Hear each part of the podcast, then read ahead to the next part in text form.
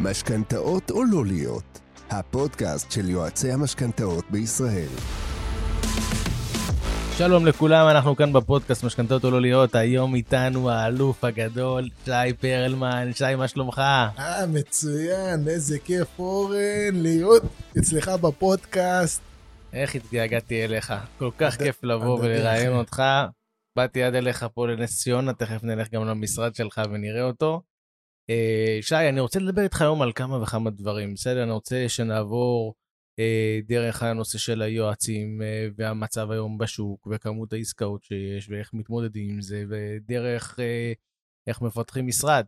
לא יועץ בודד, כי אתה לא יועץ בודד, אתה מעבר לזה, יש לך משרד גדול עם, עם שותפה, אשתך, אבל זה שותפה לכל דבר שותפה ועניין. לגמרי.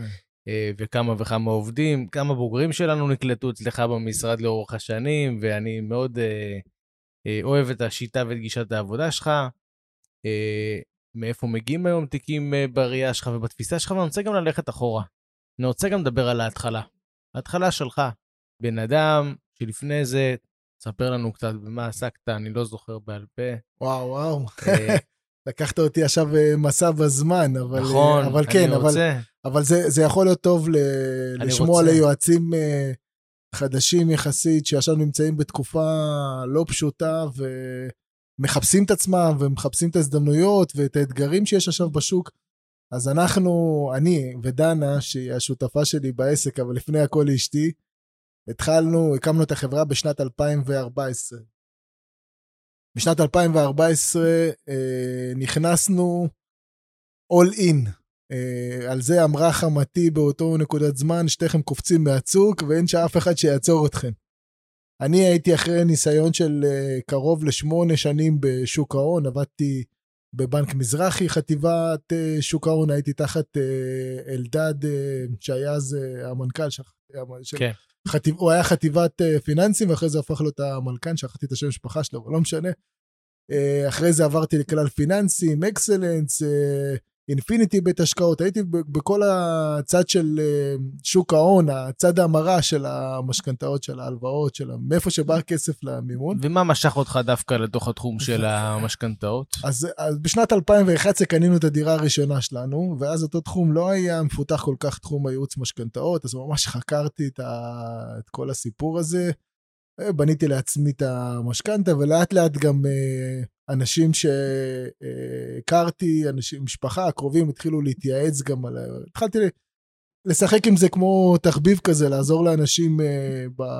ומצאת התחום הזה היה מאוד מאוד חשוך, לא מצאת היה... את עצמך go to guy של הרבה אנשים שהתלבטו מה נכון לעשות עם המשכנתה שלהם. אני מניח בין היתר בגלל שעסקת לפני זה בתחומי הפיננסים, היה נוח לאנשים להתייעץ איתך ולדבר איתך על נושאים כלכליים.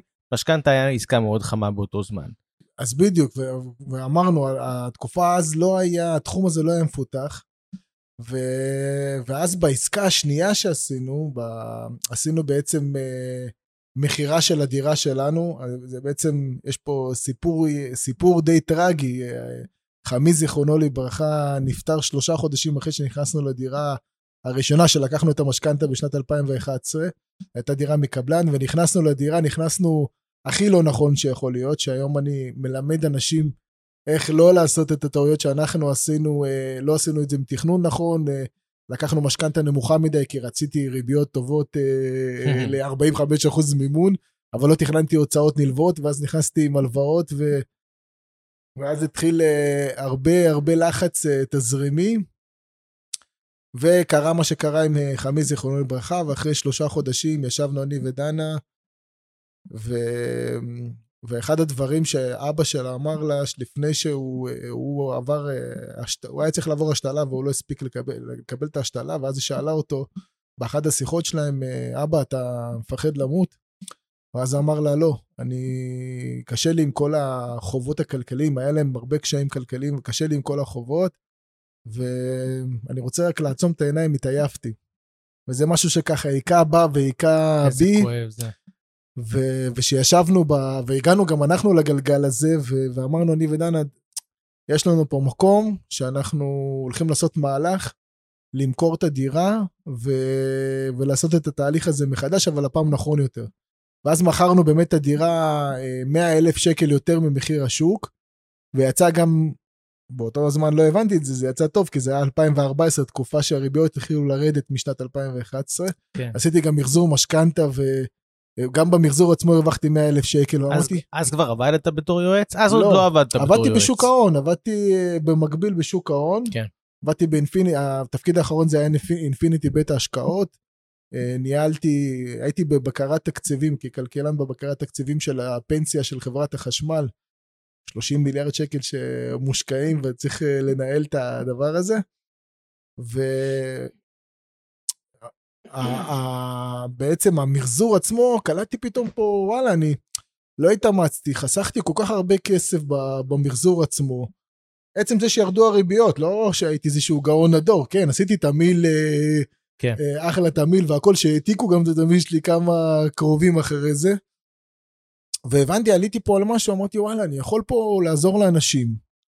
לחסוך להם הידע שלי, כסף. לחסוך. עכשיו, פתאום נהיה לי חזון, נהיה לי רעב מטורף, ואז אמרתי, אוקיי, יש לי את הידע, יש לי את הניסיון, אבל זה לא מספיק לי, לא הרגשתי ביטחון, אז הלכתי, עשיתי קורס אה, ייעוץ משכנתאות באוניברסיטה הפתוחה.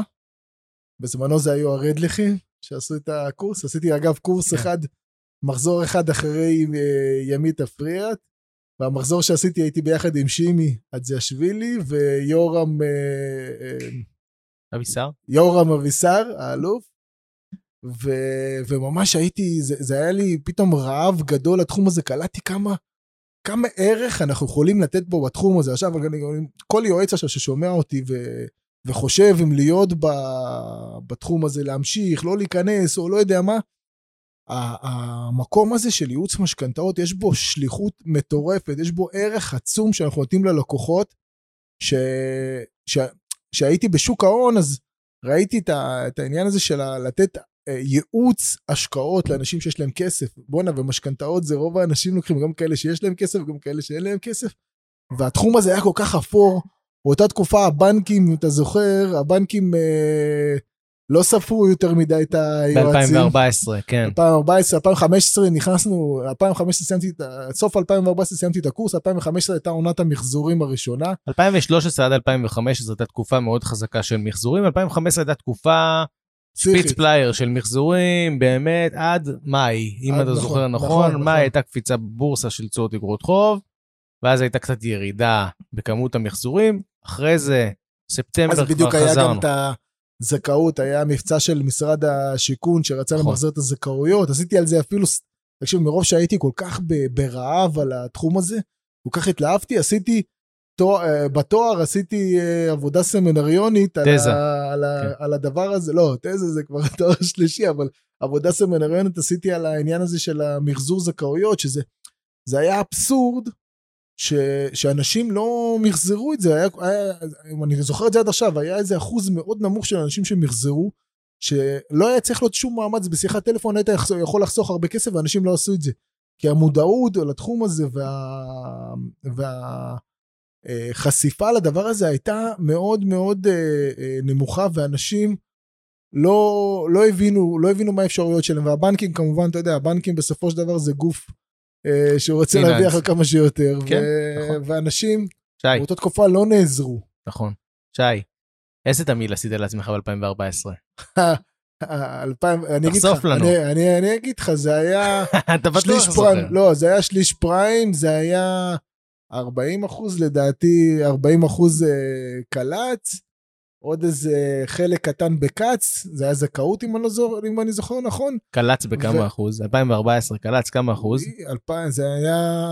שלוש שבע? אני חושב שלוש וחצי, וואלה, התקלת אותי עכשיו, מאז עברתי עוד כמה משכנתאות בדרך.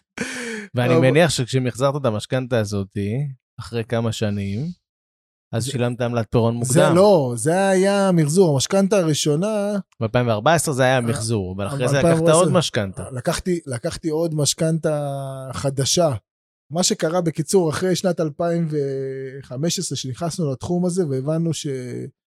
וואו, מה, מה, יש פה פוטנציאל, אבל אז לא היה לי ניסיון של uh, להיות עצמאי. הייתי כל כך הרבה שנים שכיר, ו... ולא ידעתי מה לעשות, אה, איך לפתח את העסק, איך נכון. להביא לקוחות, איך לשווק, איך למתג את עצמי. אני זוכר ש... בהתחלה פנינו לאיזה מישהו שיעשה לנו איזה לוגו, כרטיס ביקור, אה, כן? זה, זה היה, עשה לנו שם משהו חובבני ביותר, ולא, לא, לא הבנו מה, איך אנחנו מתחילים אה, לרוץ עם הדבר הזה. זה היה נכון, כאילו... בעצם ה shift שאתה עובר מלהיות שכיר ללהיות, בתור, ללעבוד בתור יועץ משכנתאות הוא shift כפול. יש לנו shift מקצועי שאנחנו לומדים איך לייעץ בתחום המשכנתאות, ויש לנו shift עסקי שאנחנו לומדים להיות עצמאיים. ושם, בשיפט העסקי הזה, הרבה אנשים נופלים, הרבה אנשים נהיים יועצים טובים, אבל הם, הם, לא, הם לא מכניסים מספיק כסף. אז אני אגיד, אני אגיד לך יותר מזה, אני, המילה למכור, להגיד למישהו מחיר, זה היה בשבילי, היה גורם לי לזיעה קרה, פחד, צמרמורות. הייתי אומר תמיד לדנה, דנה, את אה, תעשי את המכירה. עכשיו, דנה בכלל אין לה הבנה. דנה, מה שהייתה עושה, הייתה מוכרת אותי. ואני הייתי נכנס רק לפן המקצועי, אבל הייתי נרתע מזה. אה, ואני יכול להגיד לך, שנתיים ראשונות היינו במאבקים. שנתיים ראשונות ב... בעסק, היינו במצב שהכנסנו כסף מהבית, כמעט לא היה לנו משכורות. הגענו למצב שנכנסנו לדירה חדשה, Mm-hmm. בשנת uh, 2014 נכנסנו לדירה, אחרי ששדרגנו את ה... מכרנו את הדירה אחרי שלושה חודשים שחמיני נפטר, קנינו דירה נוספת, נכנסנו אליה גם דירה מקבלן, ושם התחלנו ל- ל- ל- לקדם כבר את העסק, ושנתיים ראשונות לא הכנסנו כספים. היינו, גלגלנו הלוואות, עזרה מההורים, ועד שהגענו למצב גם שמה, שישבנו, ב... אני זוכר את זה במרפסת, והיינו במצב שדיברנו, אני ודנה, שאפילו למכור את הדירה הזאתי, ולעבור אפילו לשכירות, כי אנחנו מאמינים ב, ב, בשליחות שלנו, בעסק הזה של ייעוץ משכנתאות, לא היה אכפת לנו. זאת אומרת, הגענו למצב כזה של all in עד הסוף. ואז כשאתה עושה את הדברים עד הסוף ואתה מוכן להקריב ולשלם את המחיר, שערי השמיים נפתחים. אבל מה עשה את הסוויץ' הזה? מה עשה את השיפט של מעסק שלא מצליח לשרוד את הזה וצריך להביא כספים מהבית, לעסק שמכניס יפה, יש כמה וכמה עובדים וכולי. יש שם איזה נקודה באמצע, אני יודע להצביע על הנקודה הזאת אצלי בעסק, אבל גם אצלך אני בטוח שיש את הנקודה שבה הדברים עושים את השיפט ופתאום יש צינור אמיתי של שפע. פתאום באמת מצליחים להתחיל לעשות עבודה טובה. בדרך כלל זה איפשהו בתוך הראש שלנו. אמרת קודם שנרתעת מראש מהנושא של להגיד לאנשים מה המחיר, מהנושא של למכור לאנשים. מה עשה לך את השיפט הזה שפתאום אתה בנוח עם זה, בטוב עם זה, ועסקים רצים? אז, אז מהרגע הזה שישבנו ואמרנו, מוכרים את הדירה, והתחלנו לעשות שיתוף פעולה, התחלנו, התחלתי לחפש יועצים אחרים לעשות איתם שיתוף פעולה, כי עד אז ניסיתי בעצמנו. התחלתי לעשות שיתוף פעולה עם היועצים, דרך אגב, שהקמנו את ההתאחדות ב-2016, ככה התחלנו להכיר אנשים ולעשות uh, שיתופי פעולה. בהתחלה הייתי מתפעל תיקים, וטיפלתי עם uh, יועץ שהוא היה יחסית uh, ותיק, טיפלתי לו תיקים. אבל גם שם הרגשתי, כמו שאתה אומר, התחלתי להרגיש שאני פרילנסר, אבל סוג של uh, עובד עדיין כשכיר ולא מתפתח. וב-2018 שם התחיל השיפט הזה. השיפט הזה שהתחלתי, נכנסתי לכל העולם של ההתפתחות האישית. כל העולם, ש... אז זה היה, זה היה מצחיק בשבילי, כל הסיסמאות וכל המשפטי ההצלחה למיניהם, שאני באתי עם שתי תארים של כלכלה ומנהל עסקים, הכל היה נראה לי מתוכנת ו... וברור שאתה מסיים את התארים, אתה הולך אה, ומתקדם בכל עבודה, אבל, אבל לא השקעתי אף פעם בהתפתחות האישית, וב-2018 נחשפתי לעולם הזה, והתחלתי לפתח את עצמי, את הכישורים שלי, בין היתר כישורים של שיווק, של מכירות, יש להם המון המון כאלה קורסים של, קורסים טובים, כן? של מנטורים. עכשיו אגב, כשאני בודק, כשאני אומר מנטורים, אז אני, אני בודק עליהם ברשתות, ו... והיום לא חסר לבדוק uh, על ההצלחה שלהם, כאלה שהם הצליחו. לא כאלה שעכשיו מלמדים תיאוריה ומספרים לי סיפורים, אלא כאלה שהצליחו בפועל ומלמדים את השיטה שלהם, ויש כאלה הרבה. והיום אני יכול, אתה יודע, תמיד גם התפיסה הייתה, אנשים שהצליחו, אז למה שהם ישתפו אותך ב, בידע שלהם, אה, כאילו, מה האינטרס שלהם? הם, אה, אם הם ייצרו לעצמם מתחרים, אז מה, מה הפואנטה פה? והיום אני יכול להגיד את זה, היום שאני לומד את זה, את, ה, את ההבנה הזאת שיש שפע, כמו שאמרת, יש באמת שפע. המקום שלנו באמת זה תמיד לתת אקסטרה מאיתנו ולתת כמה שיותר ערך גם, גם לקולגות וגם ל, ל, לאנשים, האנשים הפשוטים נקרא לזה ככה. נכון, אבל זה לא השתנה. זאת אומרת, גם כשהיית ב-2011 וגם כשהיית ב-2014 וגם כשאני מכיר אותך ב-2006, מ-2015 אני מכיר אותך והלאה, לאורך כל התקופה ה vibe שלך וההסתכלות שלך הייתה הסתכלות של אה, נתינה. זה תמיד היה נכון.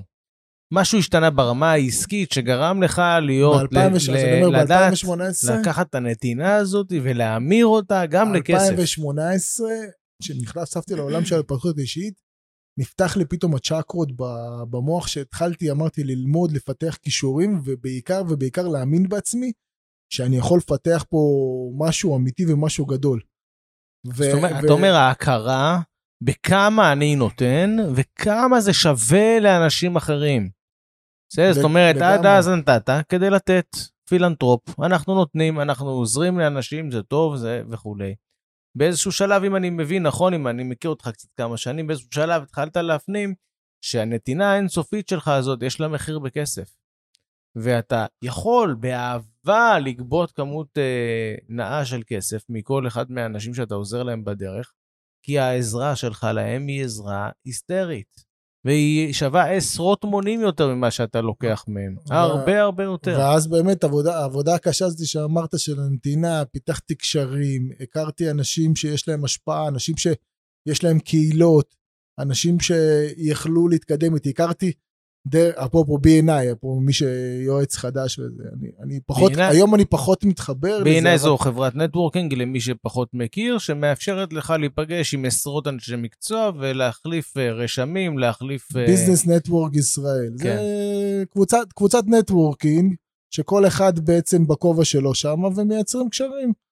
שיתופי פעולה, ואז דרך הקבוצה הזאת הכרתי אה, אה, יועץ עסקי שעבד אצל אלון גל. ונכנסתי, ודרכו נפגשתי כמה פעמים עם הצוות שלו, ו, והיה כמה אתגרים שם, ובסוף כן הצלחנו להיכנס, אה, להתחיל לעבוד איתו לאט לאט, היה לו אה, קורס 180 יום אה, לדירה. אז אנחנו היינו שם על החלק של המימון, ו, ועשינו שם ים עבודה בחינם, שתדע, הרבה אנשים נפגשו איתנו ולא סגרו, והדיל היה שם שאנחנו לא מקבלים uh, שכר, אלא רק אנשים שסוגרים, אבל לא היה אכפת לנו, כי ידענו ש... לא יודע, דנה קיבלה, סתם דוגמא, אתן לך בהתחלת הזה, זה 200-300 לידים, ומתוך הלידים האלה, אני חושב שסגרו איתנו אולי 6-7, שתבין, 300 פירקנו, היא עשתה את המשיכה הראשונית, אני נפגשתי. ו- והמון לא, והמון לא, אבל כל הזמן להמשיך, כל הזמן להמשיך, וזה אפרופו עבודה על, ה- על הראש, על ה mindset, על האמונה העצמית ו- ולא לוותר ולדעת שכל לא מקרב אותך לכן. זה ממש ככה וזה בדיוק אפרופו זה ה shift ש... שהבנתי שהתחלתי לסגל שהתחלתי כמו אוטומט לעבוד. ווואלה זה יצר הכרה זה יצר הכרה ואז משם עוד אה, אה, קהילה שהתחלתי לעשות איתם שיתוף פעולה והתחלתי להיות יותר מוכר ברשתות והתחלתי לעשות סרטונים שזה משהו שפעם גם הייתי מאוד מפחד. יש לי פחד במה היה לי פחד במה מטורף הייתי במצב שהייתי עומד מול קהל והייתי נכנס לבלקאוטים חופשי. כאילו ברמה של לא מדבר 10-20 אלא 2-3 אנשים אני עומד ונכנס לבלקאוט. אה, כתוצאה מאיזה טראומה שהייתה לי בילדות. אבל, אה, אבל דווקא עם, ה, עם הניסיונות החוזרים והנשנים הצלחתי להתגבר על זה וזה כל הקטע שלה. להמשיך לעשות ולעשות ולעשות ולא להתייאש. רוב האנשים מתייאשים פשוט, זה, זה הבעיה העיקרית. נכון, אז יש פה שני דברים מאוד מהותיים, אני חושב הראשון ביניהם זה ההתמדה האינסופית, אני חושב שאני רואה את זה גם מבחוץ אה, כשאני מסתכל עליך לאורך השנים.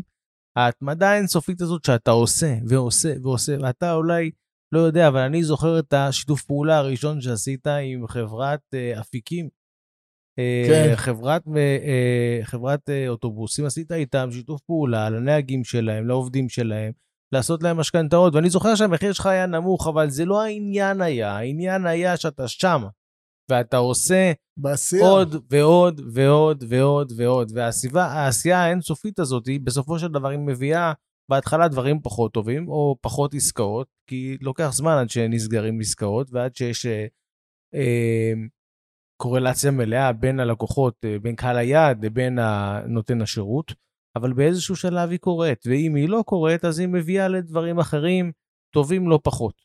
ואני חושב שאחד הדברים המהותיים שיש אצלך, שלא תמיד יש אותם ל, אה, ליועצים, או שאם יש אותם ליועצים, אז זה נהיה הרבה יותר טוב והרבה יותר קל, זה שאין אלטרנטיבה. זה לא, אין, אין אופציה שאני אגיד, הלכתי צעד אחורה, לא משנה, אני אחזור לעבוד בשוק ההון. זה לא. אני מוכן גם למכור את הדירה.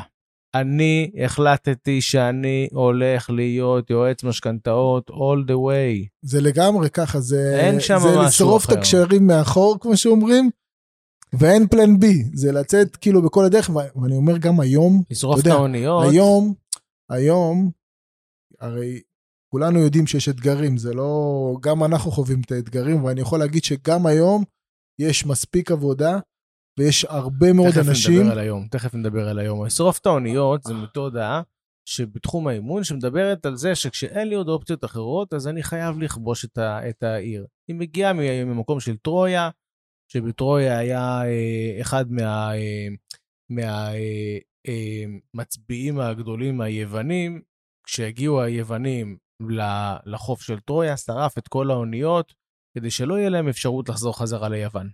ואז, אם הם רוצים לחזור הביתה, הם חייבים לכבוש את. העיר. אין ברירה אחרת. ברגע שאין להם אפשרות לחזור אחורה לברוח, המוטיבציה שלהם הרבה יותר לא, גדולה. אני, אני אגיד לך, ראיתי, החיסרון של לשרוף את האוניות, שהוא חיסרון גדול, זה שאם בסוף הפסדת בקרב, אז אתה, אתה אבוד לחלוטין.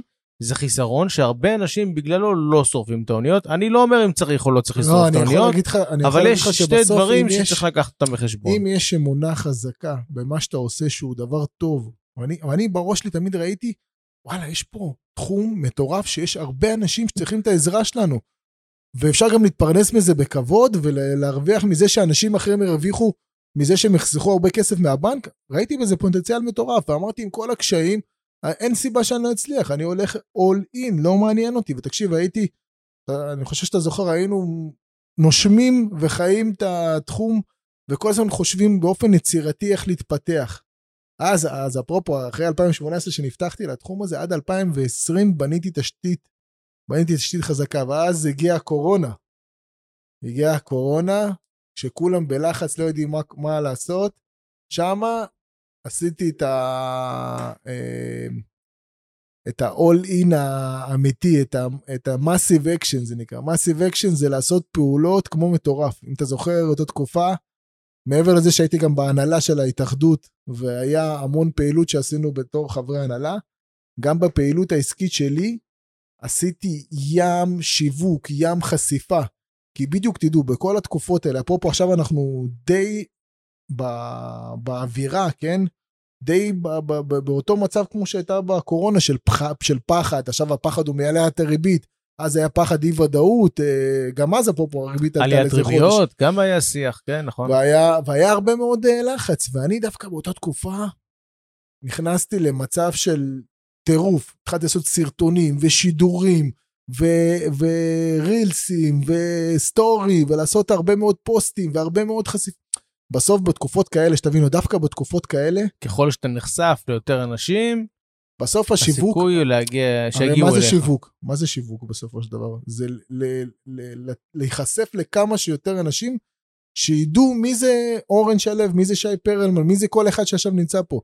שיכירו את המקצועיות, שיכירו את הבן אדם. בסוף אנשים רוצים לאו דווקא את המקצועיות, הם רוצים לראות את הביטחון, הם רוצים לדעת שהבן אדם יכול להוביל אותם בעסקה הכי קשה בחיים שלהם, ודווקא בתקופות כאלה, גם כמו עכשיו עם הריבית הגבוהה, אנשים מחפשים את הביטחון, ואני גם היום, יש לי לא מעט פניות של אה, אנשים שהם אה, מבולבלים והם בלחץ, והם רוצים מישהו שייתן להם את הביטחון ויוביל אותם בשקט. מהמם. לזה. אז, אז באותה תקופה נתנו גז מטורף, אני, וגם יצאתי עם הספר. יצאתי עם הכתיבה של כתבת הספר. ספר בזמנו, אני זוכר, נכון. כתבתי, כן. כן, כתבתי, התחלתי לכתוב את הספר באותה תקופה שנה וחצי, לקח לי לרשום אותו, שנה יותר ממה שתכננתי, כן? כן. שנה יותר ממה שתכננתי, וזה היה אתגר מטורף. אז אנחנו לוקחים מפה עוד איזה מסקנה מאוד מעניינת ומאוד נכונה, מאוד טובה, שאני אוהב אותה, שאומרת, יש פחות עבודה בזמן מסוים, so what, יש לך יותר זמן פנוי לעשות דברים אחרים, קרי שיווק, קרי אה, עבודת אה, תשתית. אין דבר כזה, יש פחות עבודה. יש פחות עבודה בחלק אחד של העסק, חלק של התפעול. זה רק אגף אחד. אם נכון. לאגף התפעול יש פחות עבודה, אגף השיווק צריך לעשות יותר עבודה. כי הזמן שבו אנחנו עובדים בעסק צריך רק לגדול. אתה יודע, כולם היו בשוק באותה תקופה, גם היועצים, וכולם היו, כולם קפאו. ובדיוק באותה תקופה נתנו גז מטורף, כאילו, כמה שיותר חשיפה, כמה שיותר אה, רעש, ו... ואז נפתח פתאום אפשרויות, זה לא רק לקוחות שבאים, לקוחות פרטיים, פתאום ראה אותך איזה מישהו, אה, איזה מתווך גדול, או מלווה משקיעים גדול, ואז אומר, וואלה, זה נראה לי כריש, אני רוצה לעבוד איתו. אני שומע אותו, אני לא רואה מישהו אחר, כי מישהו אחר יושב עכשיו בבית קפוא, גם עכשיו. אני רואה הרבה אנשים שמתלוננים, שאין עבודה, ואני לא בא לשפוט חלילה, ואני גם לא רואה אותם ברשת, אני לא רואה אותם עושים את כל מה שנדרש. לא עושים מספיק, והיום גם לעשות את השיווק בכל הפלטפורמות זה לא עולה כסף. זה גם לא מביא, שהנקודה... זה גם לא, לא בטוח שזה יביא אוטומטית ישר אה, זה, אבל לעשות כל הזמן, כי בסוף מישהו יראה. כן, ואני חושב שאחת הנקודות המהותיות זה במה אתה עושה, ולא תמיד במה שאתה עושה חייב להיות בהכרח בתוך תחום המשכנתאות. זאת אומרת, הרבה מהדברים שאנחנו עושים יכולים להיות דברים שהם פיתוח אישי שלנו, דברים שאנחנו רוצים לפתח את עצמנו יותר בהם, להתקדם בהם יותר, שהם לא חייבים להיות משכנתה פרופר, הם יכולים להיות עסקיים, והם יכולים להיות גם לא בהכרח עסקיים, אבל בדרך כלל הם יותר עסקיים. ושם, בתוך המקומות האלה שבהם אנחנו מתפתחים ברמה האישית, אנחנו מוצאים את עצמנו מתפתחים לצד אנשים אחרים, והם הופכים לשיתופי פעולה חזקים. ואתה אף פעם לא יודע מי יושב לידך בתוך המקומות שבהם אתה מתפתח אישית. אז אפרופו, הנה, קודם כל אנחנו כבר עוד מעט עשר שנים פעילות, עשינו כבר uh, למעלה מ-2,500 עסקאות בכל סוגי תהליכי משכנתה, ואני כל הזמן לומד. אני יודע, כמעט כל הקורסים, uh, אני מדבר איתך שיש איזשהו קורס, אני אומר לך אפילו תוציא קורס, ואני שולח, אני הולך ללמוד, אני שולח את הצוות שלי כל הזמן לפתח את הפן המקצועי. אבל זה רק, כמו שאמרת, צד אחד. הצד השני, מבחינתי, היותר חשוב, זה לפתח את היכולות האישיות, לחזק את הביטחון העצמי בעצמך. כי רוב האנשים, גם שהם מקצועיים מספיק, אין להם ביטחון עצמי בעצמם, ואז זה מה שמונע מהם לגדול. אחד המנטורים שאני אוהב אמר שאתה יכול להיות, ללמוד, יש, יש לך המון שיטות של מכירה, המון המון. אתה יכול ללמוד איזה שיטה שאתה רוצה, אבל אם אתה לא מאמין בעצמך, אתה לא תמכור לאף אחד שום דבר, ולא משנה איזה שיטה אתה תלמד. אז, אה, אז זה ואיך- הרבה עבודה אישית. איך אנחנו מאמינים בעצמנו יותר, שי? גם בבוקר בן אדם רוצה להאמין בעצמו יותר, תן לי שתי דרכים שהוא יכול להאמין בעצמו יותר באמת. אז תשמע, אני מתחיל כל בוקר, אפרופו, אני מכיר, קודם כל אני מתחיל בהוקרת תודה. יש, יש חוקים, יש חוקים יקומיים, חוקים אה, של חוקי הטבע, אני אקרא לזה אפילו, שחוקים של שפע, שאתה קודם כל קם בהוקרת תודה כל בוקר, לא משנה באיזה מצב אתה נמצא, קודם כל קמת בבוקר, תוקיר תודה. תוקיר תודה, ו... ה- הדבר הנוסף, כל בוקר אני עושה לעצמי תוכנית לאותו יום, מה אני רוצה לעשות, איזה אה, אנשים אני רוצה להתקשר אליהם, איזה פעולות אני רוצה לעשות שיווקיות.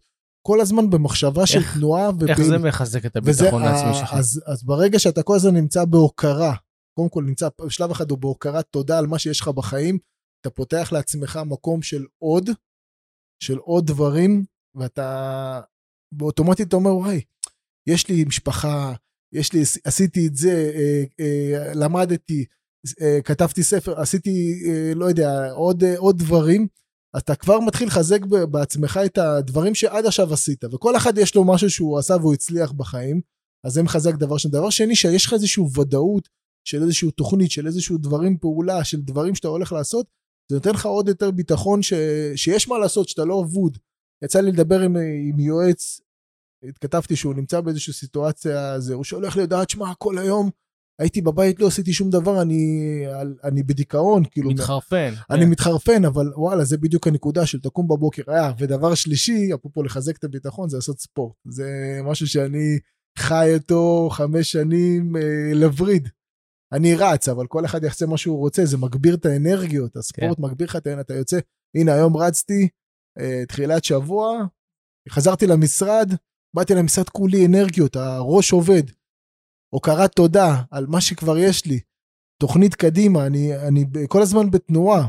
אז זה, זה מחזק את הביטחון בעצמך, ולאט לאט אתה מבין, וואלה, השגתי משהו, אני יכול להשיג עוד. ויש לי תוכנית, אני, אה, יש לי תוכנית פעולות, אני רושם לעצמי איזה, איזה אנשים להתקשר אליהם, שיתופי פעולה, לקוחות פוטנציאליים, אנשים אה, אחורת. אתה צריך לייצר לעצמך כל הזמן דברים אה, לעשות, אתה לא יכול לשבת, ו... כי ברגע שאתה יושב ומתחיל לזבזב בטלוויזיה או באינטרנט, בחדשות, אתה נכנס לאיזשהו דאון. אתה נכנס, המוח שלך מתחיל להתנוון, וזה מוריד לך את הביטחון. אגב, אפרופו ביטחון עצמי, אני, יש לי הרבה פגישות שאני לא סוגר. אתה יודע, זה בסוף, אבל מה אני יודע? אני יודע שזה סטטיסטיקות בסופו של דבר, אני יודע ש... ככל שאני אעשה יותר שיחות, ככל שאני אעשה יותר חשיפה, ככל שאני אדבר עם יותר אנשים, יש לי יותר סיכוי ל- לעשות עסקה. אבל אני לא נרתע, אתה יודע כמה פעם הייתי בתחילת הדרך, אנשים אומרים לי לא, או הייתי, הייתי משתגע, הייתי מנתח את זה, והייתי אומר למה הם לא סגרו איתי, והייתי מתבאס היום. יאללה, נקסט, לא נקסט, נורא, מגלגל. הכל בסדר, זה לא מתגלגל, נסגר, וזה הבא בתור ייסגר. זה בדיוק העניין של ה- האמונה העצמית והביטחון העצמי, אתה מתחיל, אתה מבין גם שזה משחק של מספרים. אז אתה, ברגע שאתה קם ככה בלהט, עושה ספורט קצת, מוקיר תודה על מה שיש לך, מתכנן קדימה, אתה כל הזמן ברוטינה של אה, עשייה. אני רוצה שנייה לרכז את מה שאמרת שנייה על הביטחון, כי אני חושב שזו נקודה קריטית. אני, אני, יש פה כמה דברים. הראשון, זה להאמין בעצמך על בסיס דברים קודמים שהיו. דברים קודמים שהיו לא חייבים להיות בהכרח בדיוק באותו ענף. אם אתם חדשים בתחום המשכנתאות, אז לא צריך לבסס את זה על הצלחות בתוך תחום המשכנתאות. משהו עשיתם לפני זה, וכנראה שהצלחתם בכמה וכמה דברים לפני זה. בטוח. יש כל מתודה- אחד יש לו בטוח במשהו שהוא הצליח. נכון, יש מתודה שאנחנו, שאני אוהב לעשות עם uh, תלמידים, ואני אומר להם, תשבו שנייה, תחשבו על שלושה דברים מוצלחים שעשיתם בחיים, ואיזה מיומנויות הובילו אתכם להצלחה בדברים האלה. הרבה פעמים אנחנו רואים שזה מתנקז בסוף לאותם דברים. אותה הצלחה שיש להם בתחום המשכנתות הגיעה מלפני זה, מהצלחה במקום אחר, המיומנויות הן אותן מיומנויות. זה הדבר הראשון, אני מתבסס בביטחון שלי על הצלחות קודמות, על דברים קודמים שעשיתי. הדבר השני זה הסתכלות קדימה. אני רוצה להרגיש ביטחון ביום-יום שלי. ביטחון זה ההפך מחוסר ודאות. חוסר ודאות מובילה להרבה חוסר ביטחון, ולכן אנחנו רוצים לבנות תוכניות מסודרות מה אנחנו הולכים לעשות. תוכניות כאלה הן תמיד מדברות על מה, מה אני הולך לעשות, כלומר, מה זה יביא לי גם, מה בסוף אני אצליח לעשות עם זה. והדבר השלישי זה לא לייחס לעצמנו יותר מדי חשיבות בתוך הדבר הגדול הזה שקורה בעולם. זה ממד של צניעות שהוא מאוד חשוב לביטחון. לקוח לא סגר, אל תעוף על עצמך, זה לא בהכרח בגללך או, או נכון. בזכותך. לקוח סגר, זה גם לא בהכרח בזכותך או בגללך. שנייה, בוא ניקח את העולם ונהיה טיפה יותר צנועים. מערכת השיקולים של הלקוח היא לפעמים לא קשורה ולא תלויה אלינו, אה, בנו, הנה, אז באופן מלא. דוגמה, תראה הדוגמה, היה אצלי לפני שבוע לקוח, קרא את הספר שלי כן. פעמיים, קרא שתי פרקים, הוא אמר לי, והוא בא אליי בהתלהבות, הוא אומר לי, שתי פרקים מתוך הספר, קראתי אפילו ארבע פעמים, ואיזה ספר, והוא נתן לי פרגונים. איך שהוא נכנס למשרד, אמרתי, וואלה, זה, אני בטוח הוא מתקדם איתי. בטוח כאילו, סוגר איתו. אין מצב שלא. וואלה, בסוף הפגישה, הוא אומר לי, תשמע, יקר, שמע, יקר, וזה, וכאילו מפה הוא איפשהו נעלם. עכשיו, בעבר, זה היה יכול לחרפן אותי, ואז אתה אומר, כאילו, גם אתה אוכל את עצמך. הייתי אוכל את עצמי והייתי מה אומר, אני מה, לא למה טוב? השקעתי כל כך הרבה בספר? מה אני למה לא מספיק וזה?" טוב? מה כן. עשיתי דפוק? מה... אבל זהו, הבן אדם עצמו, אחרי זה אתה קולט, וואלה, שיכול להיות שהבן אדם הוא סוג של freak control, והוא רוצה לעשות את זה אולי בעצמו, או אולי הוא רוצה להיעזר רק במישהו, לשלם לו איזשהו סכום סמלי רק להיעזר בו, יאללה, אז אני, שח... אני משחרר, אני לא נותן לזה, אני לא נותן לאנרגיה השלילית, הלא טובה להיכנס אליה, אני מוציא אותה כל פעם שהיא מגיעה אליי, אפרופו זה עוד משהו כדי להגדיל את הביטחון העצמי, צריך להבין שזה קצת מיסטי להגיד את זה, כן? אבל אה, אני חושב ש... אני חושב, אחי, שכל העולם הזה הוא מאנרגיות. אפרופו, ככל שאתה מגביר אנרגיות ומכניס לך דברים חיובים ל- לראש ואנרגיות טובות וחזקות, היום שלך ובכלל, כל הזמן אתה בתעופה. אם אתה נותן לדברים השליליים להיכנס לך ולהגיד, וואלה, התבאסתי מזה, וההוא עשיתי איתו שיתוף פעולה ופתאום הוא חתך לי, והלקוח הזה לא רוצה, והנה פתאום יש מהפכה משפטית וזה, ואני בכלל לא רואה חדשות, שתבין, אני לא רואה, כי אני לא נותן לשיט הזה להיכנס לי לראש. אני כל הזמן ב- בהצלחה שאני רוצה לייצר. כל הזמן להיות באנרגיות גבוהות. ואני רואה שאנשים מגיעים אליי, הרבה פעמים, אגב, אנשים סוגרים איתי, לא בגלל שאני מקצועי, אני מקצועי, אני יודע שאני מקצועי, זה לא הנקודה, הם סוגרים איתי בגלל שיש לי אנרגיות גבוהות, והם מרגישים ביטחון, והם יודעים שיש על מי לסמוך שאני אוביל אותם, ואני אלחם בשבילם, ואני אעשה את המקסימום בשביל שהם יצליחו גם. וזה מה שקונה אותם הרבה פעמים. כן, אני מבין מה אתה אומר, לגמרי מזדהה עם זה, וגם רואים משהו טוב בתוך העיניים שלך. וזה אף פעם לא מזיק. לא, לגמרי, כי אה, בסוף, בסוף כן. כל מי שנכנס לתחום הזה, זה לא, חבר'ה, אני אומר כאילו, אפשר להרוויח טוב, אבל זה בכלל לא העיקר. אני אומר, אפשר להרוויח טוב רק אם אתם עושים טוב uh, למישהו אחר, ו, ואפשר להרוויח הרבה בזכות זה שתעזרו לכמה שיותר אנשים. אגב, זה מנטרה שתרשמו, ואני אומר, זה משהו שצריך לרשום על הדף ול, ולקרוא את זה אפילו כל יום, זה שאם תיתן כמה שיותר ערך לכמה שיותר אנשים, אם תעזור להם להגשים את החלום שלהם, הם יעזרו להגשים לעצמ, לך את החלום שלך. תעזור לכמה שיותר אנשים, תבין, תעשו כמה שיותר טוב לאנשים, אה, תעשו להם משכנתאות טובות, תצילו את הבית, אה, תעזרו להם ב, ב, ב, לפתור את הבעיה, הם יעזרו לכם לפתור את ה... את ה להגשים את החלום שלכם. מודל האסיסטים, מה שאני קורא.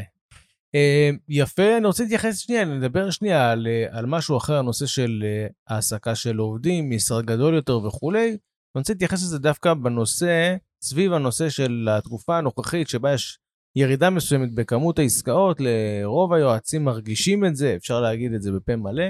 אבל אני בטוח שגם אתה הרגשת את זה תקופה מסוימת, גם אם אחרי זה עשית massive action והחזרת חזרת לקוחות וכולי, אבל בטוח הרגשת את זה באיזשהו שלב. אני רוצה לשאול אותך דווקא במקום הזה, שבו יש לך אחריות, יש לך כמה היום עובדים בבית משרד, שלושה? יש לנו, לא, יש לנו... ארבעה? יש לנו חמישה יועצים היום. כן. אומרת, יש, יש ארבעה יועצים שהם מתפעלים, ואני עכשיו אה, בשלבי גיוס של אה, עוד אחד, עוד אחת. Mm-hmm. Uh, יש לי עוד uh, איש מכירות שאיתי, יש את דנה, שהיא אחראית על כל הגבייה והשיווק. אז זה צוות, זה צוות של נגיד, חוץ ממכם יש עוד ארבעה, חמישה אנשים שהם שכירים או פרילנסרים, פחות חשוב, אבל כדור שהם יושבים על שולחנכם, מה שנקרא, ויש פה אחריות גדולה מחד, ומאידך, יש פה הרבה מאוד, אה, יש פה הרבה מאוד הוצאות. שאתם כן. כעסק צריכים כן, לקחת כן, על עצמכם כן. ולדעת שאתם... כן, אה, לגמרי. שאתם מחויבים אליהם. אבל זה, זה, היום זה מאתגר אותי, היום זה הפוך, זה מוציא ממני את, ה, את היותר טוב ממני, כי אני יודע שיש פה אתגר. יש יועצים שזה מפחיד אותם, שאומרים למה אני צריך את זה, עזוב, אני אדאג לעצמי, one man show, הכל בסדר. איך אתה רואה את הדברים האלה? דווקא זה, בתוך אבל... פרספקטיבה של תקופה שבה ירדו כמות העסקאות, ובטח היה קשה יותר להחזיק את כל העובדים. אז הנה, אז, אז, אז, אז ב-2020, אני חוזר רגע לקורונה, היינו רק אני ומיכאל. זאת אומרת, היה לנו עבודה מספיק לשתינו, אבל, אבל לא היה יותר מדי. כשיצאנו מהסגר הראשון, גייסנו את העובדת הראשונה, ואחרי uh, כמה חודשים עוד, כי עוד עובד. שלי, ש... נכון. נכון, שלי, הייתה שלי המקסימה שבוגרת הקורס שלך, ועד היום אני אומר, יאללה, אה, איך היא פנתה לתחום אחר ולא המשיכה איתנו, אבל... אבל בכל מקרה, אחרי כמה חודשים גייסנו עוד עובד, ואחרי כמה חודשים עוד עובד אחרי זה, כי נכנסנו למצב של massive action מטורף, ופתאום נהייתה הצפה ו- והתחילו להיות שותפי פעולה ופרויקטים, ופתאום, זה בדיוק מה שאמרת, שפתאום השפע נפתח לך, אתה עובד קשה, קשה, קשה, קשה, קשה, לא רואה תוצאות. אפרופו יש סיפור יפה עם, הבנבוק, עם הבמבוק, אתה יודע, אומרים כמה זמן לוקח לבמבוק אה, לצמוח? כמה זמן? חמש שנים לוקח לבמבוק לצמוח. בפועל, מתוך החמש שנים, רק בשנה האחרונה הוא מתחיל ממש לצמוח. ארבע שנים אתה משקה אותו, נותן לו שמש, משקה אותו, נותן לו שמש כל יום, אתה לא רואה כלום, הוא לא זז. ארבע שנים הוא לא זז. בשנה האחרונה הוא הופך להיות אה, עץ ענק. אבל מה? בפועל, אתה יודע, אז אנשים יכולים להגיד, וואלה, אני משקה, משקה, משקה, עושה ולא קורה כלום. אבל אם אתה ממשיך, ממשיך, ממשיך, פתאום בום, זה מתפוצץ לך, וזה בדיוק השפע שדיברת. מצד שני, לפעמים אם אנחנו רואים שאנחנו עושים משהו ועושים ועושים, צריך לעשות חשיבה לא ולראות מה צריך לעשות אז אחרת. אני לא, אז אני, נכון. וגם קודם חטאנו בזה קצת, שאמרנו שלא נורא, אם הלקוח לא סגר איתך, אולי זה לא בגללך. אז אני צריך לחדד את שני הדברים האלה ולהגיד שאנחנו לא צריכים לא לחשוב מה לעשות אחרת, אלא אנחנו צריכים לייחס קצת פחות חשיבות לעצמנו בתוך המשוואה הזאת.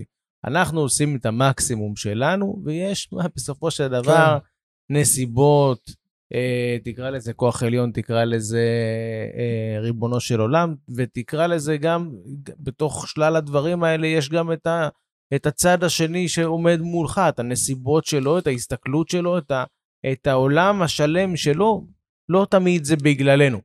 צריך לבחון את עצמנו, אז, לשאול אז את עצמנו גם... מה היינו יכולים לעשות טוב יותר, ו- וזהו, ולשחרר.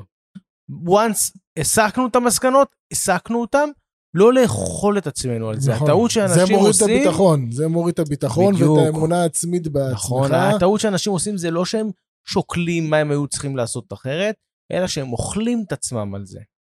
לא לאכול את עצמנו על זה. הסקנו מסקנות, התקדמנו הלאה, אז התקדמנו. אפרופו, התחלת זהו. להגיד עם העובדים, וכאילו, איך אני מרגיש לגבי זה, אז אני דווקא, ההפך, אני חושב שעכשיו יש הרבה הרבה פוטנציאל, כי תבינו, היום האנשים עוד יותר מבולבלים וצריכים אותנו אפילו עוד יותר מתקופות של הריבית הייתה אפסית. היום אנשים ממש מבולבלים ומשוועים לעזרה של אנשי מקצוע אמיתיים. ברכישות. והם מחפשים גם רכישות, כן, רכישות. אני, אני אומר, אני, הפוטנציאל של הכל מטרה, אגב, יצירתיות, כן? אז בכל מטרה למשל בניתי מוצר של אה, אה, לא רק לעשות את האיחוד הלוואה, אלא גם לשלב את זה עם יועץ כלכלת המשפחה. אפרופו, אחת מיועצי כלכלת המשפחה המקסימות שאני עובד איתם זאת אה, נטע, שעשיתי את הפרק. נכון? אז- נטע אז- נמצאת פה הרבה, נטע... אז, אז, אז עשיתי את ה- אז עשיתי את נטע השיתוף היא פעולה. אה, co-host בפודקאסט. עשיתי שיתוף פעולה ועטפתי את המוצר הזה ואני בא ללקוחות ואני מוכר להם מוצר פה אמיתי שאני אומר להם תקשיבו אני לא רק בא להציל לכם את הבית. אני לא בא לשים לכם פלסטר אני בא עכשיו גם אחרי זה לשים אתכם על הפסים גם לתת לכם מימון לכלכלת המשפחה כדי שתוכלו להתנהל ה... במסגרת התקציב אני לא רק בא לסגור לכם את ההלוואות ועוד שנה שנתיים תחזרו אליי אני רוצה עוד שנה שנתיים שתחזרו אליי שאתם רוצים לשדרג את הנכס או לקנות נכס להשקעה. ווואלה זה, זה ערך, זה ערך שאני נותן משהו אחר, זה סתם אפרופו ככה דוגמה ל, ליצירתיות. ו, ויש לי במשרד עובד שעשיתי הכשרה, למדתי אה, אצל אה, דורין ויאיר המקסימים קורס של אה, מורכבי אשראי. יש גם את אלי התותח, זאת אומרת יש מספיק אנשים שאפשר ללמוד מהם דברים חדשים ולתת יותר, בסוף זה לתת יותר ערך, עכשיו אני יכול לתת יותר ערך לאנשים. יש לי עובד במשרד שהוא הוא מתמחה בנישה הזאתי. יש לי את מיכאל למשל אצלי, את מיכאל שהוא אה, הוא גם מנהל מקצועי במשכנתאות וגם נכנס לו לנישה של אשראי לעסקים. כן. זה לפתח עוד דברים, עוד אה, עולמות. שי, מה היתרון בלהיות בעל חברה ביחס ללהיות one man show? האם היית חוזר להיות one man show היום? אני, אני חושב שהיום הצלחתי לבנות סיסטם כזה שמצד אחד אני נותן שירות בוטיקי ומצד שני אנחנו עושים מסות של uh, תיקים. זאת אומרת, אנחנו לא, זה לא פוגע בשירות מבחינתי כי אני, יש לי חזון והמטרה שלי זה כמו שאמרתי קודם, להגיע לכמה שיותר אנשים שאני אוכל לעזור להם. כי מבחינתי זה, הווין ווין, אני אעזור לכמה שיותר אנשים, אני ארוויח יותר וגם העובדים שלי, אני כיף לדעת שאני יודע שהעובדים שלי היום עובדים ויש להם uh, עבודה ויש להם היום הכנסות ויש להם ביטחון תעסוקתי עם כל הטירוף הזה. אז אני כל הזמן, ב, ב, ב, הראש שלי כל הזמן עובד איך להיות יצירתי ואיך לייצר עוד, ויש היום חברים, יש היום הרבה מאוד הזדמנויות לחשוב מחוץ לקופסה. לא, לא להיכנס לדיכאון עכשיו, וואלה, תקופה קשה, תקופה חרא, כל הזמן יש תקופות חרא, ודווקא בתקופות החרא האלה, אה, אנשים צומחים, אנשים שלוקחים מה, מהחרא הזה ובונים אה, בונים תהליכים ובונים אה, אה, מוצרים חדשים ורעיונות חדשים, מפה יש רק איפה לצמוח. תגיד לי, מאיפה מגיעות רוב העסקאות שלך היום? איזה סוג עסקאות? רכישה, מחזורים, איחוד הלוואות, מה העיקר? אז היום אנחנו, עיקר העסקאות זה דווקא רכישות, ודווקא הרבה משקיעים, למרות שכל הזמן מפרסמים שמשקיעים אה, לא כדאי להם, אבל אנשים היום מבינים שאנחנו חצי שנה, שנה קדימה כבר לקראת ירידת ריבית. אני לא יודע, אנחנו, אנחנו לא יכולים לנבא בדיוק מתי תתחיל, אבל כנראה אי שם ב-2024, כן. ולא צריך להיות כלכלן גדול בשביל לדעת שברגע שהריבית תתחיל לרדת פעם אחת, פעמיים, קפיצה. וזה יחזיר את שוק הנדל"ן אה, חזרה לקפיצה. זאת אומרת, יש אז- היום שוק של משקיעים שמתייחסים למחירי הנדל"ן כמחירים שהם בירידה, בהזדמנות.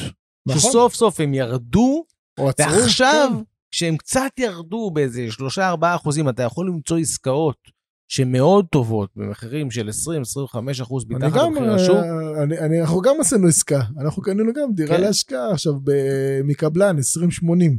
כן. היה עסקה פגז, גם מבחינת המחיר, גם מבחינת הסטנדרט. ווואלה, שיש יש לך שוק של, מו- של קונים, שיש לך יותר... אה, ואנחנו מבינים. שאנחנו עושים כזאת עסקה של 20-80, שבעוד שלוש שנים תהיה, יהיה האכלוס, אנחנו מבינים שכשאנחנו בעוד שלוש שנים נרצה להיכנס לדירה, אז נצטרך להביא את ה-80, באותו זמן המחירים כבר יהיו הרבה יותר גבוהים. ואנחנו כבר עשינו את הרווח שלנו. גם מבחינת המשכנתה אנחנו עושים עכשיו מהלך. נכון. אני, אני ממליץ דווקא, והיום גם אני עשיתי, ואני ממליץ אתה מושך חלק מהמשכנתה עכשיו, מושך חלק קטן, מקבל את. המרווח. וואלה. המרווחים ו- נמוכים. ואז, נו, בדיוק, זה, זה היתרון, והיום יש, יש הרבה אנשים שמבינים את זה, שיש הזדמנויות עכשיו. גם זוגות צעירים מבינים שעוד מעט הריבית תתחיל לרדת. עכשיו, זה לא ירד באותן עוצמות כמו שעלתה, אבל ברגע שתתחיל לרדת, המחירים יקפצו. אז הם אומרים, וואלה, אני עכשיו אעשה את המהלך. ומהפחד, מהכל, הם באים לאנשי מקצוע, הם רוצים לקבל את ההכוונה, את הביטחון שאפשר לעשות את זה, ובשביל זה אנחנו פה, חברים. אז רכישות. ועכשיו אני רוצה, התחלתי לעשות מהלך גם לחזור לכל הלקוחות שלי, זה, זה, זה תהליך, אני צריך בשביל זה, ברוך השם, צריך פה הרבה מאוד... אה, צוות. אה, צוות, כן, שיתחיל להניע את המחזורים החלקיים.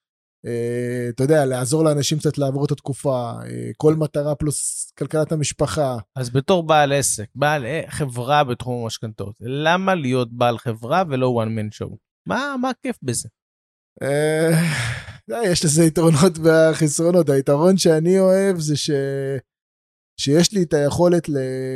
גם לפרנס עוד אנשים ולראות אנשים אחרים צומחים איתי ביחד. ואחד היעדים הגדולים ששמתי בתחילת הדרך זה להיות אה, חבר... חברה מובילה בשוק, אז מבחינתי זה חזון שמתגשם. אומרת, אי אפשר להיות מוביל בשוק אם אתה בן אדם בודד. לא, אתה צריך... אתה גם לא יכול לעשות הכל אה, בעצמך. תשמע, זה קשה, אפרופו המעבר מ-one man show ל- לבעל חברה, לשחרר תהליכים מעצמך ולהציל סמכויות, זה מאוד קשה. אני חושב שאחד הדברים שהם חזקים מאוד בהפיכה מאדם פרטי לחברה, זה שאתה צריך לשיים את התהליכים שאתה עושה. ברגע שאתה משיים את התהליכים שאתה עושה, הם נהיים הרבה יותר יעילים. כי אתה יודע להגיד מה צריך לעשות מתי, איך צריך לעשות כל אחד מהדברים, ואתה כבר לא אומר, טוב, יש לי אינטואיציה, אני אסתדר. system, לא, system עבודה זה must, אתם חייבים לבנות system. גם אם עכשיו אתה one man show, אתה חייב שיהיה לך system עבודה. ואז שיש לך system, אתה יכול לתוך ה system הזה להכניס אנשים, זה כמו מפעל שיש לך... שיש לך תנועה של מוצרים, אתה צריך קודם כל שיהיה לך את התנועה הזאת, את המעגל הזה של המוצרים שרצים בפנים. כשאני התחלתי להכניס מרצים נוספים לתוך הקורס, אני הייתי צריך לשבת ולכתוב את כל מערכי השיעורים בצורה מסודרת יותר. וזה חידד מאוד את מערכי השיעורים, כי הייתי חייב לעשות את זה, הייתי צריך, בגלל שהכנסתי עוד אנשים, הייתי צריך לעשות את זה, אבל אז פתאום זה הועיל לי לתהליך העבודה. פתאום זה הפך את תהליך העבודה שלי להרבה יותר טוב, הרבה יותר איכותי. כשאנחנו לא בן אדם אחד שעובד, אנחנו מחדדים את תהליך העבודה, תהליך העבודה נהיה הרבה יותר טוב, ואפשר לעשות כמות גדולה יותר של תיקים, והרווח השולי הוא יותר טוב, הוא יותר איכותי, אנחנו יכולים להוסיף עוד הרבה כסף לתוך העסק שלנו. יש לזה גם כמובן את האחריות המשמעותית שכשאנחנו צריכים להעסיק עובדים, אז אנחנו, כשאנחנו. מעסיקים עובדים, אז יש לנו עלויות שהן עלויות בסיס. זה עלויות, אני יכול להגיד ש... אגב, אני חושב שזה דומה במובן מסוים ללשרוף את האוניות. כי יש לי עובדים, ואני צריך, הדיפולט שלי זה שאני חייב להכניס מספיק כסף כדי שהעובדים האלה יתפרנסו וגם אני אתפרנס. זה הופך להיות הדיפולט שלי. פתאום הדיפולט זה לא שתיים, שלושה, תיק, שניים, שלושה תיקים בשביל שיהיה לי מספיק פרנסה לבית. הדיפולט צריך להיות 20, כי אחרת אין מספיק כסף בשביל להאכיל את כל האנשים החשובים והטובים שאנחנו אוהבים אותם, נכון, שבאו לעבוד אצלנו. נכון. ואז אנחנו מגיעים למצב שבו אנחנו אומרים, אוקיי, יש לי את היכולת כי יש עוד אנשים שעובדים פה, ויש לי את הצורך כי יש עוד אנשים שעובדים פה לתת massive action, בדיוק. לתת עבודה בכל החזיתות. כל הזמן לראות איך אני מביא עוד עבודה. להיות בכל מקום כל הזמן, להתפתח, ברשתות, ב... גם פיזית, להיפגש עם אנשים שיכולים להביא לי עבודה.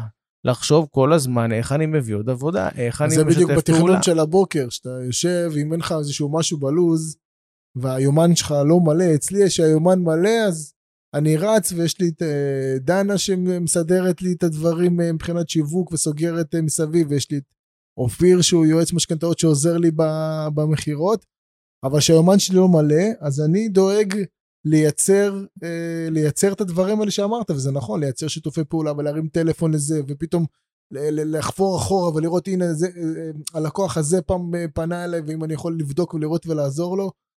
קיצור, לא לשבת בבית ו... ולחשוב, איך אומרים, שסוף העולם, יש הרבה מה לעשות ואפשר להתפתח בתחום הזה, אפשר לגדול ולצמוח בתחום הזה. זה לוקח הרבה זמן, זה לא פשוט, זה לא קל, צריך פה הרבה התמדה. צריך לדעת לשלם מחיר, מחיר מנטלי הרבה פעמים אפילו, לאו דווקא כספי, מחיר מנטלי של הרבה אכזבות, של הרבה כאפות שאתה חוטף בדרך, אבל... אה, אגב, כמו בכל עסק, אני לא מכיר עסקים שבהם אנחנו לא אה, חוטפים כאפות, ואני יכול גם להגיד לך, בתור, אתה יודע, בן אדם שפוגש הרבה שכירים אה, שעושים את השיפט הזה באיזשהו שלב, שגם שכירים בכל המקצועות ובכל החזיתות, מדי פעם יש להם משבר כזה או אחר. זה חלק מהחיים, ואנחנו צריכים לראות איך אנחנו צומחים מתוך הדברים האלה בצורה נכונה ובצורה טובה. אני חושב שאחד הדברים המהותיים שדיברנו עליהם פה היום, זהו, זה העשייה. העשייה, עשייה, עשייה, אני אפילו אומר הרבה פעמים, עשייה התנדבותית לפעמים, בסדר? לא בתוך התחום שלנו, לא לעשות בחינם. שש, שש שנים הייתי ב... נכון, אבל, נכון, אבל כשאנחנו יושבים ואנחנו עושים ב, בכל החזיתות, בכל המקומות, במקומות שבהם אנחנו עושים אה, אה, לביתנו, לביתנו, במקומות שבהם אנחנו מתנדבים, אז מתנדבים. כשאנחנו כל הזמן עושים, אנחנו כל הזמן נמצאים אפו, במוד אפרופו, ש... בהנהלה, בהנהלה נכון, של ההתאחדות, אפרופו. נכון, אחד, ש... הח, אחד החזון, זאת אומרת, החזון שלי היה, כשנכנסתי לתחום הזה, זה שהתחום הזה יהיה לא פחות מתחום של ייעוץ מש... השקעות. באותו זמן, אולי, אולי 10 אחוז, או... 15. לא 15 אחוז לא, השתמשו בשירותי יועץ. אנחנו מדברים, כן, אבל אנחנו מדברים 15 אחוז, היינו סדר גודל 15 אחוז מהשוק בערך ב-2018. לא, אז אני אומר לפני, שאנחנו אה, נכנסנו זה היה נראה לי איזה 10 אחוז באזור 2014. כן.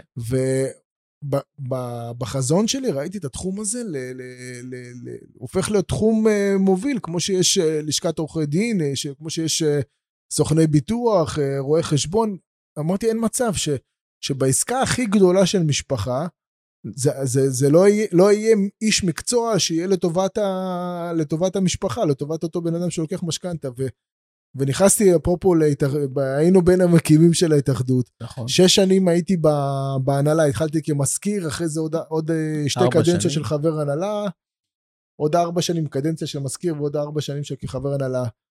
תכלס, זה לא נתן לי כסף ישירות, מה, אבל עצם העשייה וכל הזמן בפעילות וכל הזמן. ב ב, ב, ב, בנתינה, בנתינה, בנתינה, והרבה פעמים הנתינה הזאת, אתה, אתה עושה דברים ואתה כביכול לא מקבל תגמול כספי, אבל עצם הנתינה הזאת, ה, היקום מתגמל אותך חזרה, השפע בא בחזרה אליך, זה, זה נשמע כאילו, כמו שאמרתי קודם מיסטי, אבל זה, זה אמיתי. כן, אני לא חושב שזה מיסטי, אני חושב שתגמול, בהרבה מקרים, גם בעולמות הפדגוגיים, אנחנו מדברים על תגמול, אנחנו לא מדברים רק על תגמול כספי, אנחנו מדברים על תגמול אנרגטי, תגמול כספי, תגמול של הערכה, אנחנו מדברים על תגמול בכל מיני, uh, בכל מיני מובנים. אני חושב שזה בא לידי ביטוי גם פה. אני, אני מאוד מאמין בעשייה, אני מאמין שבן אדם שקם בבוקר צריך לדעת שהוא עושה מלא מלא דברים, והוא צריך לדעת שהוא מסיים את היום, לסמן לעצמו ולהגיד, עשיתי הרבה. ויש פה אלמנט גם שאני תמיד, אני תמיד אוהב uh, להתייחס אליו, שזה ה... ההסתכלות שלי על עצמי פעם בכמה זמן, ואני אומר לעצמי, שנייה אחת, אם עכשיו אני צריך לסכם, האם אני מסכם ואני אומר, וואלה, שיחקתי אותה, היה לי טוב, עשיתי הרבה, עפתי בש... בא... באוויר, או שאני מסכם ואני אומר, פספסתי משהו. אני צריך, אה, לא, לא הספקתי, לא עשיתי אה, מה שרציתי. לא, עזוב הספק, לא ברמת הכמות, אלא ברמת המהות, אנחנו צריכים לחיות את היום בסדר? ברמה כזאת שאנחנו מסיימים אותו ואנחנו אומרים, שיחקתי אותה. היה לי, עשיתי טוב. עשיתי טוב בעולם הזה. ובעשיתי טוב בעולם הזה אני רוצה לסיים. אני רוצה להגיד לך, שי, תודה. אנחנו מכירים הרבה. השיחה הייתה מאוד מאוד מעניינת, היה לי מאוד כיף לשבת איתך. לגמרי, גם אנחנו לי. כמעט שעה יושבים ב- להקליט את הפרק יאללה, הזה. אז אנחנו, אני, אני מאוד מקווה שהשיחה הזאת תיתן uh, מוטיבציה והשראה ליועצים שעכשיו נמצאים בתקופה שהיא יותר קשה, להאמין ולה, ולדעת שזה אפשרי, ואני לא איזשהו אה, אושייה או בן אדם יוצא דופן, אני, איך אומרים, כמוני, ש... כמוכם, ו, ו, וכל אחד בסופו של דבר עם, עם עשייה, אמונה ו, והרבה ערך לאנשים אחרים יכול לצמוח ולהגיע אפילו לרמות יותר גבוהות ממה שאנחנו הגענו. מדהימה אותי הצניעות שלך, אתה יושב עם כל הרזומה, עם כל העבודה, עם כל הדברים שאנחנו יודעים ש... כל ההצלחות הענקיות שלך, ואתה אומר, אה, אני סתם עוד אחד, לא, לא להתרגש ממני יותר מדי. ואני חושב שזה חלק מה-DNA, זה חלק מיכולת ההצלחה שלך. תודה רבה, שי. תודה, תודה.